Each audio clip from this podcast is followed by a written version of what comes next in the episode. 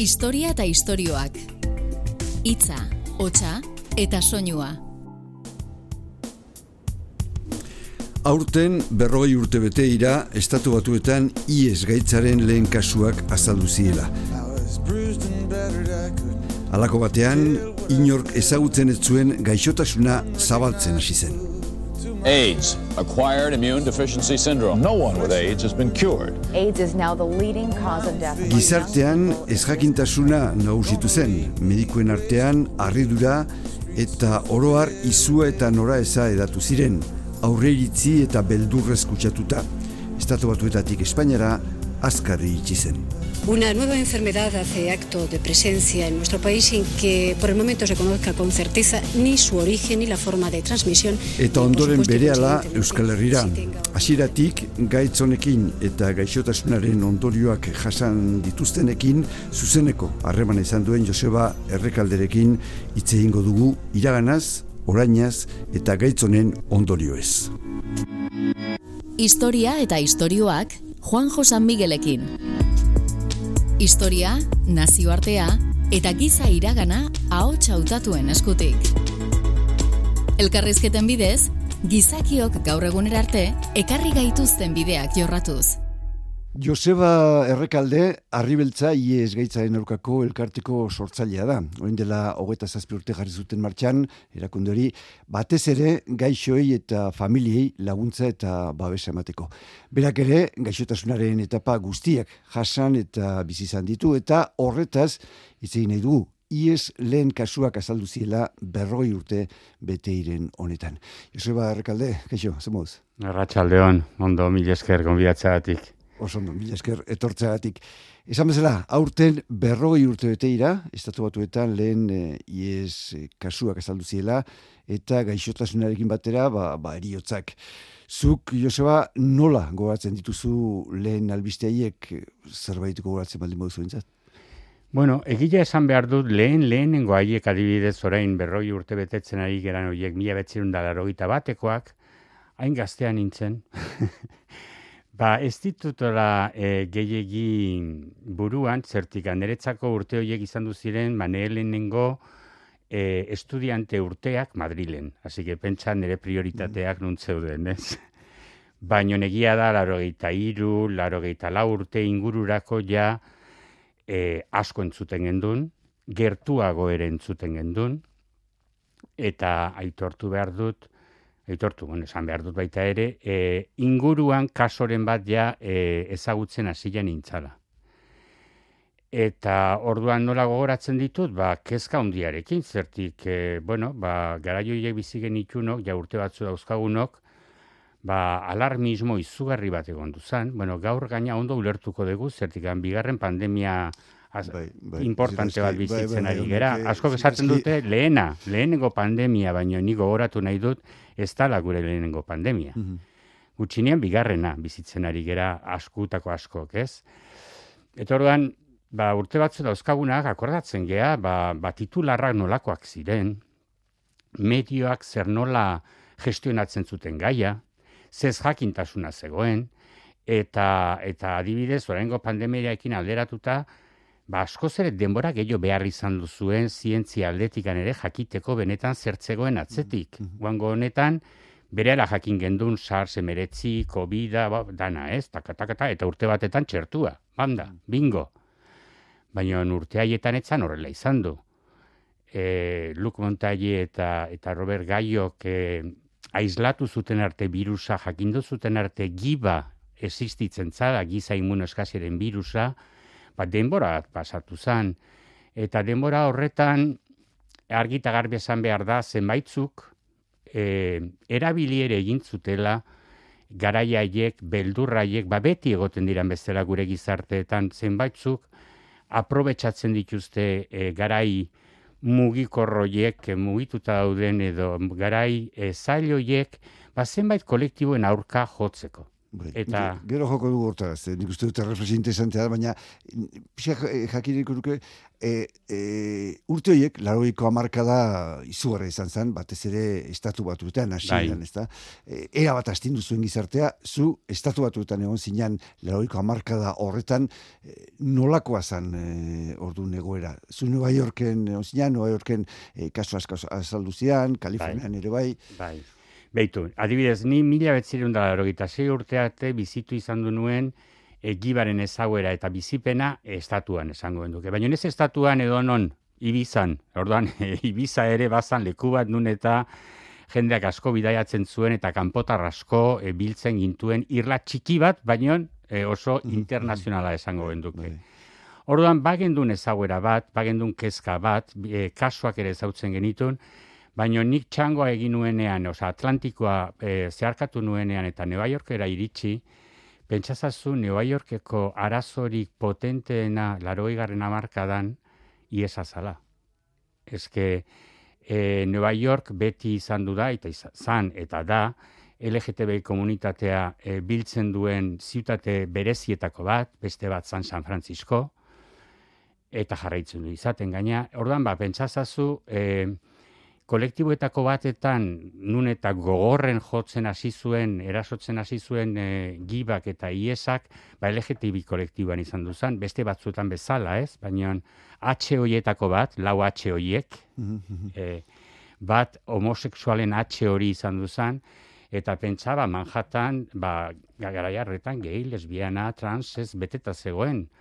Asbe pertsona asko, goen, goen bizitza proiektua bertan egin nahi izaten gendun, eta aske sentitzen ginen. Orduan, osasun publiko arazo handi bat bizitzen zuen irlak. Ni Manhattataz ari naiz gehien bat, eh? hor bizitu izan du naiz beti. Eta alde batetik zegoen egunerokotasun bat, zen azken finean gerretan ere egunero bizi egin behar duzu. Jan, lo, adizkidetu, harremanak eduki, edo ez eduki, bizi egin behar da. Ordan alde batetik zegoen bizipen bat, eta no, bakoitza zaukan berea, baina beste batetik zegoen hor olako musika bat, tristura bat, ba, izugarrizko sufrimento baten islada ematen zuena, ez? Zertikan, e, pentsazazue, guretzat, Europa bezalako sistema giza, giza zerbitzu sozialek sistema bat daukan eh, herri ba, herri batzentzat, ja gogorra baldin bada, ba, ba Nueva York bezalako herri batetan alde batetik, oso estatu aldetik oso laguntza gutxi, eta bestetik familiaren em, sarea ere ez zegoen, zer New York bezalako edo Manhattan bezalako ziutate batean etzea bizi zure guraso eta aitona monakin. Danak ginen gazteak edo bastante gazteak, danak proiektu ba, bakarlari moduan, ez? Orduan e, oso momento gogorrak ziren, osasun aldetik oso gogorrak eta gero em, gizarte mugimendu aldetikan ere oso aberatsak. Oso oso aberatsak. Ni eh, oi hartzarra naiz, nik oso ondo akordatzen naiz e, transizio garaiean errenteriko asambladak nolakoak izaten ziren, ikasle, ikasle moduan, e, han Elizaren aurrean errenteiko asamblada famatu haiek, eta derrepente nitopatu nintzen Manhattan batetan nun eta bakoitza gure bizitza proiektua gendun, baina gero bazegoen arazo bat aman komuna zala, eta zaiesaren aurrean nola, nola elkartu, nola antolatu eta nola erantzuna ematen saiatu. Ni iritsi nintzen bezin laizter, e, aizparru guztietan e, bizi nintzen lekuan, e, egiten hasi nintzen lagunak, egit, lan egiten nuen lekuan, de, alde guztitan ezagutzen nituen gibdunak. Gabetziaten lehenengo egunean esaten, baino poliki-poliki, konfiantza arrotze, e, sortzen ari zinean ainean, konturatzen zinen, ba, alde guztietatik antzegoela virusa, eta horra ginen baita ere, ba, hiletetara hurbiltzen. Hoi esan nizun, ze esan duzun guzti hortaz aparte, garai haietan, laroiko amarkaban batipat, kutsatzeak eriotza esan nahi zuen. Infektatzeak esan nahi dugu, O- eh? o- E, e, desberdin du ezagun, Bai. e, giba ez dala, ez da kutsatzen. Gibaz infektatu egiten gera, eta giba transmititu egin dezakegu gure artean, baina importantea da, zean bere garrantzia handia dauka, gibaz ez gera kutsatzen. Hori da. Kutsatzen gera... E, Infektatzen gera. Infektatu egiten gera. Eta zuk garai hortan e, harrapatu zenun e, gaixotasuna. Nik ez dakit noiz infektatu nintzen. Zeran, hori da baita ere giba daukan berezitasunetako bat. Zu izan zintezke gibduna, zu infektatu zintezke gibaz, eta sintomarek ez izan urtetan. Ja. Orduan, nik egia da mila betzerun da largoita zeigarren urtean, erabaki nuen, asunto batzuek medio zirala eta, ba froga egingo nuela. Eh? Eta froga horreri nik egita esate izut, e, euneko laro geita, irurogeita mabostean, ez ezko aterako zitzaidalaren e, sinesmena naukan. Mhm. Zertika ni babestuta nintzen, nik nire neurriak hartuan hauzkan, e, Atlantikoa krue, Gurutzatu gurutzatu, nuen e, ezkeroztik, ez? Baino positibo atera zitzaidan. Beraz, e, bai, behar bada, e, momentun batetan e, sexo segurua etzan hain segurua izan du, baino nire ustez, ni e, bidaiatu nuenerako, nire ibizako garaioietan nun eta guandikan gure refleksioa zan, arduratzen ginen e, urdurik geunden, ba, genekigun zegertatzen zan, baina bizit, bizipen bat bagen duen Europan urrutiko zerbait zala. Hora, pixka bat adibidez, ba, telebistan aurrean jartzen geanean ikusten dugunean ebolaren asuntoa hor Afrikako ez dakin nun, Eta oain gertatu zeguna e, pandemia honek, Edo- e, e, txinan entzuten genuenean, bueno, Hori hori da. beste batzuen kontua da. eta ez, gen, ez gendun uste iritsiko zitzaigunik oneraino, ez? Mhm. Ba, gibarekin ere, sensazio hori nik hori bizitu nuen. Ba, bueno, e, seguru geundela usten gendun momentu batzuetan, praktikak ez zian seguruak. Nik e, gaina harremanak gizonezkoekin euki izan du ditut beti, eta gaina guk gure komentario izaten zan gizone gizonekin eskerrak ez tegu preservatiba berri. ez? Berrik ez gera orduan geratzen, eta Mhm. ez, baino ez gendun kontuan hartzen bazeudela zenbait gauza, transmititu genezazkenak bata besteari, e, ardunaldiatik aparte, ez? Eta, eta orduan, ba, bueno, bai nik e, jakindu nuen, e, ohartu nintzen, gibduna nintzela mila betzerun dela zei urtean, Manhattanen. Historia eta istorioak. Hitza, ahotsa eta soinua aztarna zahar eta berrien oihartzuna. gaitzonek besteak beste ekarri du gizarteko talde batzun eta jende askoren mespretzioa, e, bazterkeria, e, pixkat, e, seinalatzea e, gaixotasuna zutenak, hori nola bizitzen duten. Bueno, hori benetan izan duzan zerbait, e, urte, lehenengo, lehen esplikatzen nuen bezala ez jakintasuneko urte haietan eta zenbait e, interesen baitan sortzen ziren mezuetan, ba, hor sortu zen arrisku taldeen konzeptua. Eta horrek egin zuen izugarrizko mina momentuan, baina berrogei urte geroago gaur egun oraindik jarraitzen du zenbait Pero, me- buruetan, zenbaiten em, ezaueraren barruan, e, ba, konzeptu horrek jarraitu egiten du. E, garai hartan ziren las 4 H esaten zan, lau Hak. Haitianoak, hemofilikoak, homosexualak eta heroinomanoak. Orduan, ez balin bazinan, horietako bo- partaide bazu seguru zeunden, eta pentsatzazu zer nolako e, e, gezurra. Baina baita pentsatzazu zer nolako e, mina eta kaltea egin zitzaien talde hoiei. Eta urtetan gaina, eta hori borrokatzeko e, gibaren inguruan eta iesaren inguruan ganden taldeak gaur egun oraindik, urtero eta prentsan azaltzen geran bakoitzean, edo medioekin, edo, edo baita ere, e, zenbait e, politikariekin elkartzen geranean, behin eta berriro e, lau arrisku taldeen konzeptu hori e, des, de, de, desegin arazi behar dugu. Zertikan, hemen ez dago arrisku talderik, ez da sekulan egon du arrisku talderik, daude arrisku praktika batzu. Hori behar dago, sexu harremanen bitartez, odolaren bidez, eta amak erantzili zaioke aurdunaldian lehen e, hilabetean, eta punto. Bai. dizut, Hoie dira a, e, e, arriskuak, nola esateko, edo hor sortzen da arriskua, Beitu, argi eta garbi esango dizkizut gaina, zertikan, hirugarren hori amaren gandik eman dezakegun eh, transmisio hori gure gizartean oso kontrolatuta dago. Eh, ja badire ja hogeita bost bat urte, nun eta gure e, emakume, gure herriko emakumeak, edo kanpotik datozten emakumeak ere bai, eta hemen bertan hartatu e, bizi diranak eta bar, e, ginekolokaren laguntzaren bitartez, transmisioak eten, eten egiten dira. Ez dago, beraz, bakar bakarrikan gure artean transmititu edo infektatu gintezke, xiringa bat partekatzen badegu, ez xiringa bat erabiltzen baldin badegu, mm xiringa bat partekatu, horrek esan du beste norbaitek erabilu be xiringa, zuk erabili, eta hori ja gaur egun ere ez da egiten, eta babestu gabeko penetrazioak. Hori bai, penetrazio mota guztiak. Mm Baina ez dago gehiago, punto. Horregatik ez da kutsakorra, da transmisio gaia.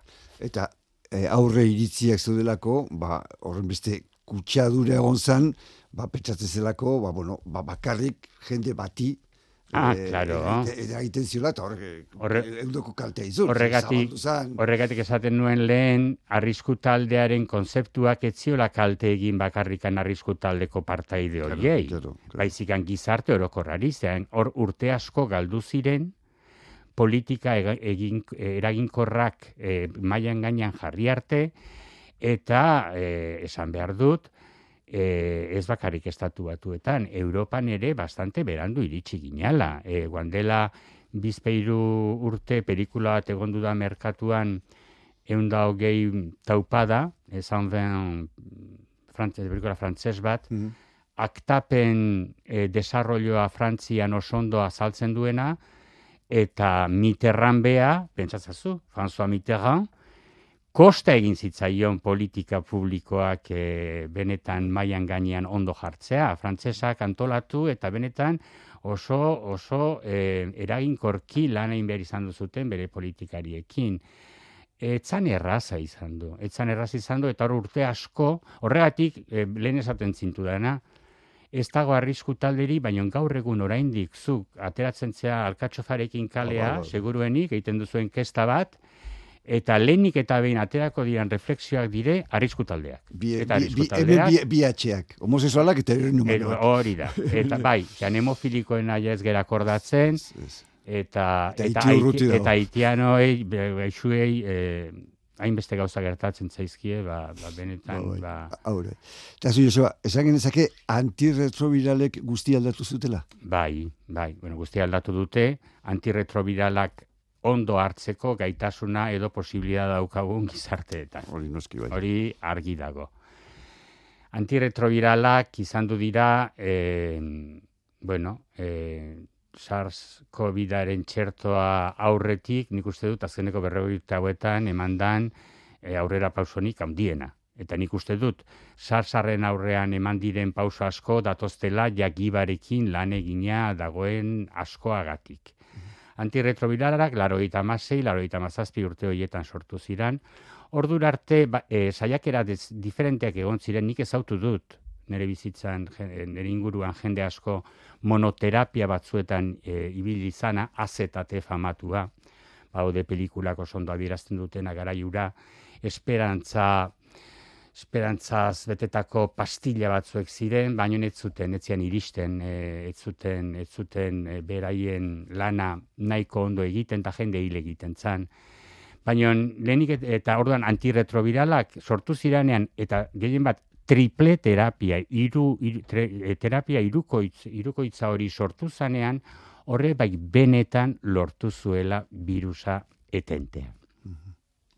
Honek esan nahi du, lortu zuten lehenengo aldiz, hiru modu diferentetan virusa atakatu, virusari eragin bategin, nun eta naiz eta gibduna izan, bazu daukazun gib kantitate hori gutxitu, eta baita ere ez utzi berari lana egiten eta eta e, reproduzitzen nolaz baite, ez? Mm. Hori hasieran ba, ni akordatzen naiz, erdik, ni naiz e, lehenengoetakoa, hori hartu nuena, neri tokatu zitzaidan, neri tren hori iritsi zitzaidan justu nere bizitzako azkeneko momentuetan, osea, pixka bat berandu ni ez nengoen tren hori hartzeko hemen, tamales, e, pues, adibidez, entzun dut, e, egun hauetan, hogeita mar urte ingo ditu Fred Mercury irtzala, pues arreri etzitzaion tren hau iritsi, eta, Mm, eta mm. hori bezala milioia eta milioi pa- personei. Eta akordatzen nahi zozondo, nire medikua, Julio Arrizabalaga, aitortu nahi dut, nire lehenengo medikua, eta gaur egun biodonostiako buru, izaten lanean jarraitzen du tope. Mhm. eta sartu zen gelan, eta izue, ba, alako pastilla batzu dauzkagu, probatu nahi dituzu, eta, eta, claro, ni nengoen ja, era bat, baino lur jota. Ja. E, ja, o- berrogeita piko kilokin, osea, ja, oso gezkita, esan, bueno, pues, pues a ver, zerbaitako balio baldin badute, pues guazen. Eta, eta balio izan du zuten bai momentu horretan, baino inorketzaekin zenbat balio izan balioko zuten. E, etz, etzan froga bat, baino e, baita ere ez genekigun, e, benetan zenbat urtetan iraungo zuen tratamentu horiek, ze toksizidade mota izango zuten tratamentu horiek, baina egia da hor, egondu ginen jende multzo bat hilzorian geundenak, tratamentu horien bitartez, erreskatua, erreskatatuak izan du ginenak eta berriro ere bizitzara bueltatu, bueltatu ginenak. Gero gertatu dana da, hainbeste urtetan, ba tratamentu horiek joan dire hobetzen. Joan dire errasten. E, saietz e, efektua zauzkan e, botika hau, ba, kendu egingo deu, sortuko deu beste bat. Pastilla Le- gutxiago. bai, pastilla gutxiago. lehenengo generaziokoak, bigarren generaziokoak, hirugarren generaziokoak, laugarren generaziokoak, baino funtsean tripleterapia horrek Hasiera. gaur egun jarraitzen du bere lana egiten eta gaur esan dezakegu estudio, nahiko estudio badaudelako ja eginak, korte amerikano, eh, danez, europear, asiatiko, milaka eta milaka persona diferenteekin, gaur egun esan dezakegu ondo tratatutako gibdun bat, beste gibari gabeko beste persona batek ainako bizitza iraunpena izan dezakeela. Adibidez, e, arazo gehiago izan dezake erretzaile izateak, gibduna izateak, baino ondo tratatuta baldin bazaude. Eta bukatu nahi dut esaten, tratamentu horiek badaudela, baino, claro, tratamentu horiek ondo eraman behar dira eraginkorrak izateko. Hori da bere zailtasuna adibidez hirugarren munduan edo pobrezian dauden lurraldeekiko adierazten dugunean, jo, eske bat tratamentua badaude, baina ez dizkiete ematen ta eta hori era bat ere ez da horrela. Zertikan, iesa eta gibaren aurrean e, egindan iraultza tratamentuekiko mundua gozoaren zehar, Bill Gates fundazioa, Bill eta, eta bere Mhm. emaztearen fundazioaren bitartez, ez da sekulan mundu osoan hainbat e, medikazio zabaldu, gibaren aurkako medikazioa bezala, antirretroviralak bezala. Baina, klar, ez da bakarrik antirretrovirala. Bizitza ordenatu bat eraman behar duzu, ondo elikatu behar duzu, egunero hartu behar duzu. Eta zu gerra batean bizi baldin bazera eta goseak baldin badituzu eta gaur no, esketatamendtuak erainkorrak izateko, baita ere baldintza, dira. baldintza batzu behar dira.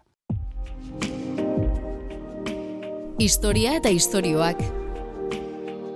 Aintzinakoak gogoratu eta gaurkotuz. Antirretroviralek arlor fisikoa erabate aldatu zutela esan genezake, baina beste arlo batzuk ez, eta lehen esaten dituen aurre iritziak, beldurrak, eh, harremanekiko mesfidantza eta bar, guzti hori zela eta zuek eh, oen dela eta zazpi urte eh, sortu zenuten arribeltza elkartea, zelburu, zegoratan, Bo, egoera larria. Egoera oso larria, zertikan orduan e, arribeltza sortu gendun pertsonak, zertik eh, ni sortzaile etako bat naiz, geunden e, diagnostiko batekin nun eta gure derrigorrez gu hile ingo ginen, ez genekigun noiz, data etzego jarria. Baina arribeltzan inguruan mugitzen eta egoten ginen pertsonak ez gendun beste egitekorik. Elkar lagundu, elkarrei laguntza eskaini eta elkarrekin konfidantzazko gune batean itxo egin, e, terapiak egin, lana egin, ba, ba gure bukaerako egunera arte. Eta bestalde baita ere, horrelako elkarte bat sortzen danean, bi helburuekin sortzen duzu. Bata da, hartatu eta alik eta oberen egon infektatuta gauden pertsonak, eta medioa jarri horretarako, baina bestea bat da borroka borroka gizartean, ba prebentzio mailan, beste inorreri gertatu ez dakiokelako, ez, ez dakioken, ba, zuri gertatu zaizun hori, ez? Mhm. Orduan, Arribeltza sortu zan bi helburu hoiekin, eta Arribeltza gaur egun izat, iza- jarraitzen du izaten helburu berdina zertikan egoera berdinean gaude.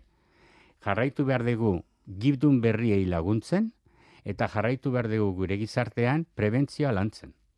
Hori ala da, baina egia da e, urte hauetan gauza batzuk aldatu direla, ez dakit nik zango nuke, esate batako, e, sexu harremanekiko, edo sexu joerekiko, ies gaitzarekiko, nik uste aldatu direla gauzak, zuek antzeman duzu hori.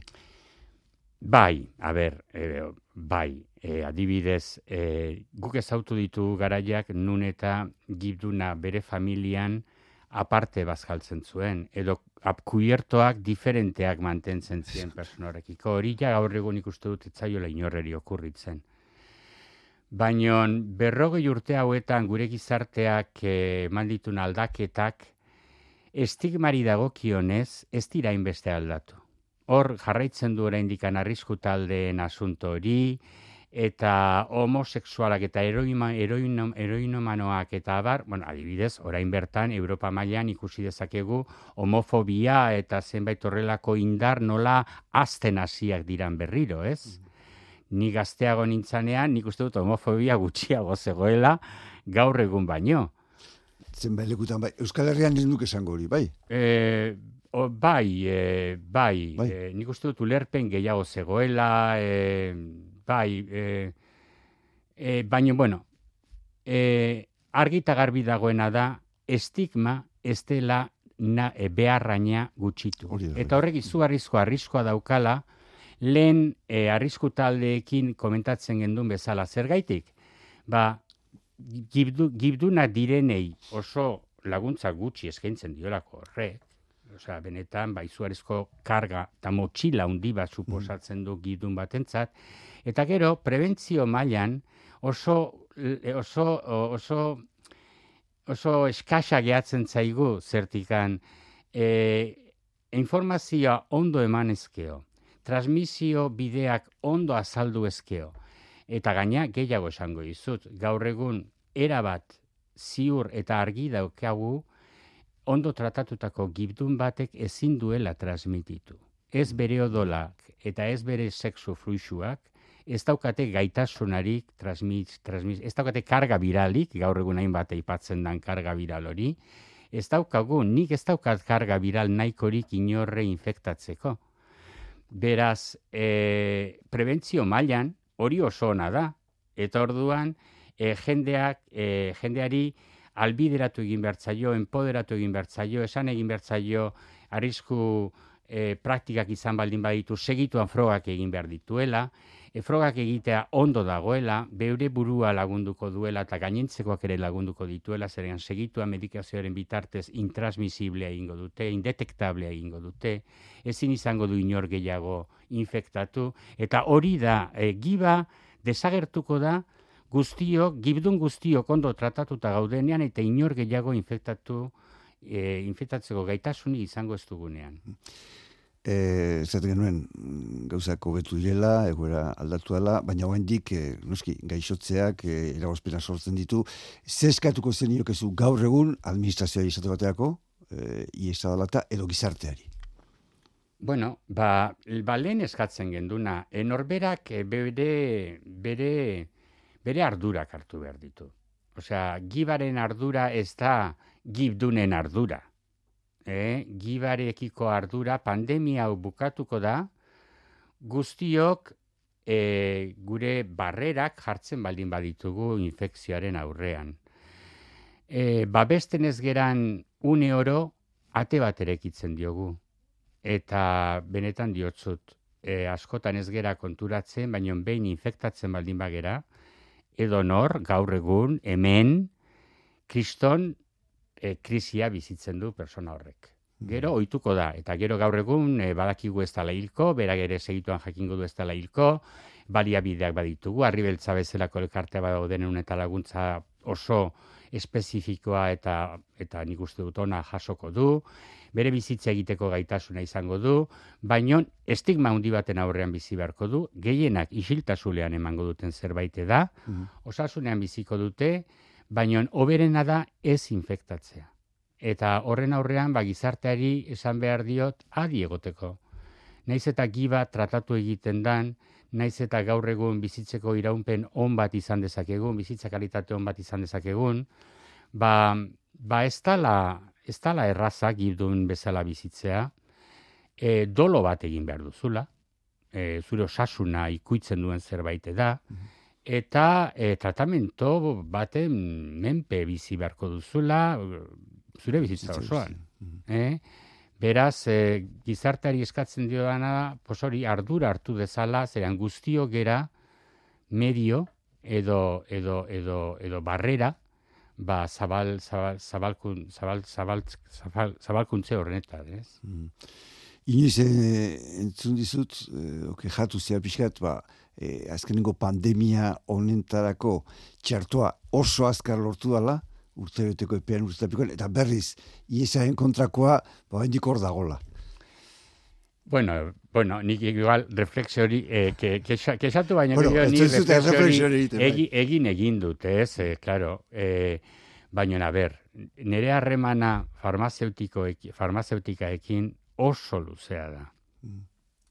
Nik eta bin esan behar dut, nik, ba, Gile, Roche, e, etxe handi hauei esker bizi naiz baita ere. Baina, badire, ba, hogeita zazpi urte, ni e, ba, etxe hauekin e, harremanetan nagoela eta eta ezautzen ditugu bastante ondo, ez? Eta, bueno, ba, nik uste dut egin dezaketela zerbait gehiago, eta baina nik uste dut e, orain bigarren pandemia honek, edo gaur egun bizitzen ari geran pandemia honek, a, agerian utzi duela, e, ja egin behar dutela, ja beste zerbait. Gertatzen dana da, ba oso medikazio onak daudela merkatuan, oso ondo saltzen dituztela, eta haien atxikemenduaren barruan, ba, ba, bueno, pues ondo bizi gerala, eta orduan, gaina gure administrazioak hori pagatu egiten du, mm-hmm. Esan behar da baita ere medikazioetako asko eta asko generikoak dira, da beraz baita ere ez da lehen zeukaten kostua, baino nolaz baite akomodatu egin gera, ez? Egin gera ez gu, gibdunak.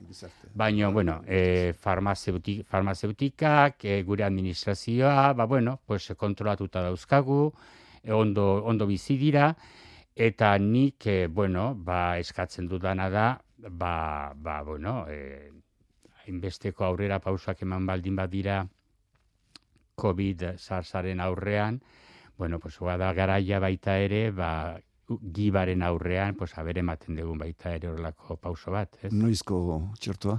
Pues noizko txertoa ez dakit, e, baino ARN mensajeroaren asunto guztionekin, ezke hor hori zu arrizko kanpo berri bat e, azaldu da. Orda nik uste dut e, txerto bat edo egia da baita ere giba urte guzti hauetan hainbeste aldatu da, hain aldakorra da, mm -hmm. hainbeste mutazio egondu dira, zepa ezberdin daude, e, behar bada txerto bakar bat ere zaila izango da, baina bai espero dudana da, tratatzeko modua, gu tratatzeko moduak bada ordua, ja e, errezagoak eta diferenteak egiteko esan nahi dut. Oso aurreratuta daude e, Katalunia bertan, kaixa, kaixak e, bultzatzen dituen fundazio batzuetan eta klinik e, e, ospitalarekin batea, eta bar, o, doktor Klotet, eta hor baude persona batzuek eminentzia batzuek diranak, eta hauek ja aipatzen dute, ba, behar bada, laister, ba, iru hilabetetik behin injekzio bat, e, e, pues bueno, pues, e, txerto, bueno, ez da txertoa, eh, da terapeutikoa, baina egunero, egunero, egunero pirula batzuek hartu beharrean, pues bueno, behar bada, pues urtean biru lau aldiz, e, ba, bueno, aziztada batekin, ba, gure guk barruan daukagun virus hori oraindik e, desagertuarazi ezin ezakegun virus hori, ba, kontrolpean mantentzeko modu berri batzuek jarri beharko direla mailan gainean. Ba, Joseba Errekalde, eskerrik asko, zure hausnarketa eta salpen hauengatik eta horren arte. Eskerrik asko zuei, ba, tarte hau eskaintzagatik zertikan balen diotzut betan bezala, honetaz hitz egin egin behar da, Zan, dana daukagu ardura, eta danak, ba, bueno, ba, pentsatu behar dugu, bueno, nola ari naiz, e, nola, nola egiten ditut gauzak, ez? Eta nola egin behar ditut. Ala bedi. Hoi bai, mil esker. Historia eta istorioak Juan Josan Miguelekin. Historia, nazioartea eta giza iragana ahots hautatuen eskutik. Elkarrizketen bidez, gizakiok gaur egunera arte ekarri gaituzten bideak jorratzen.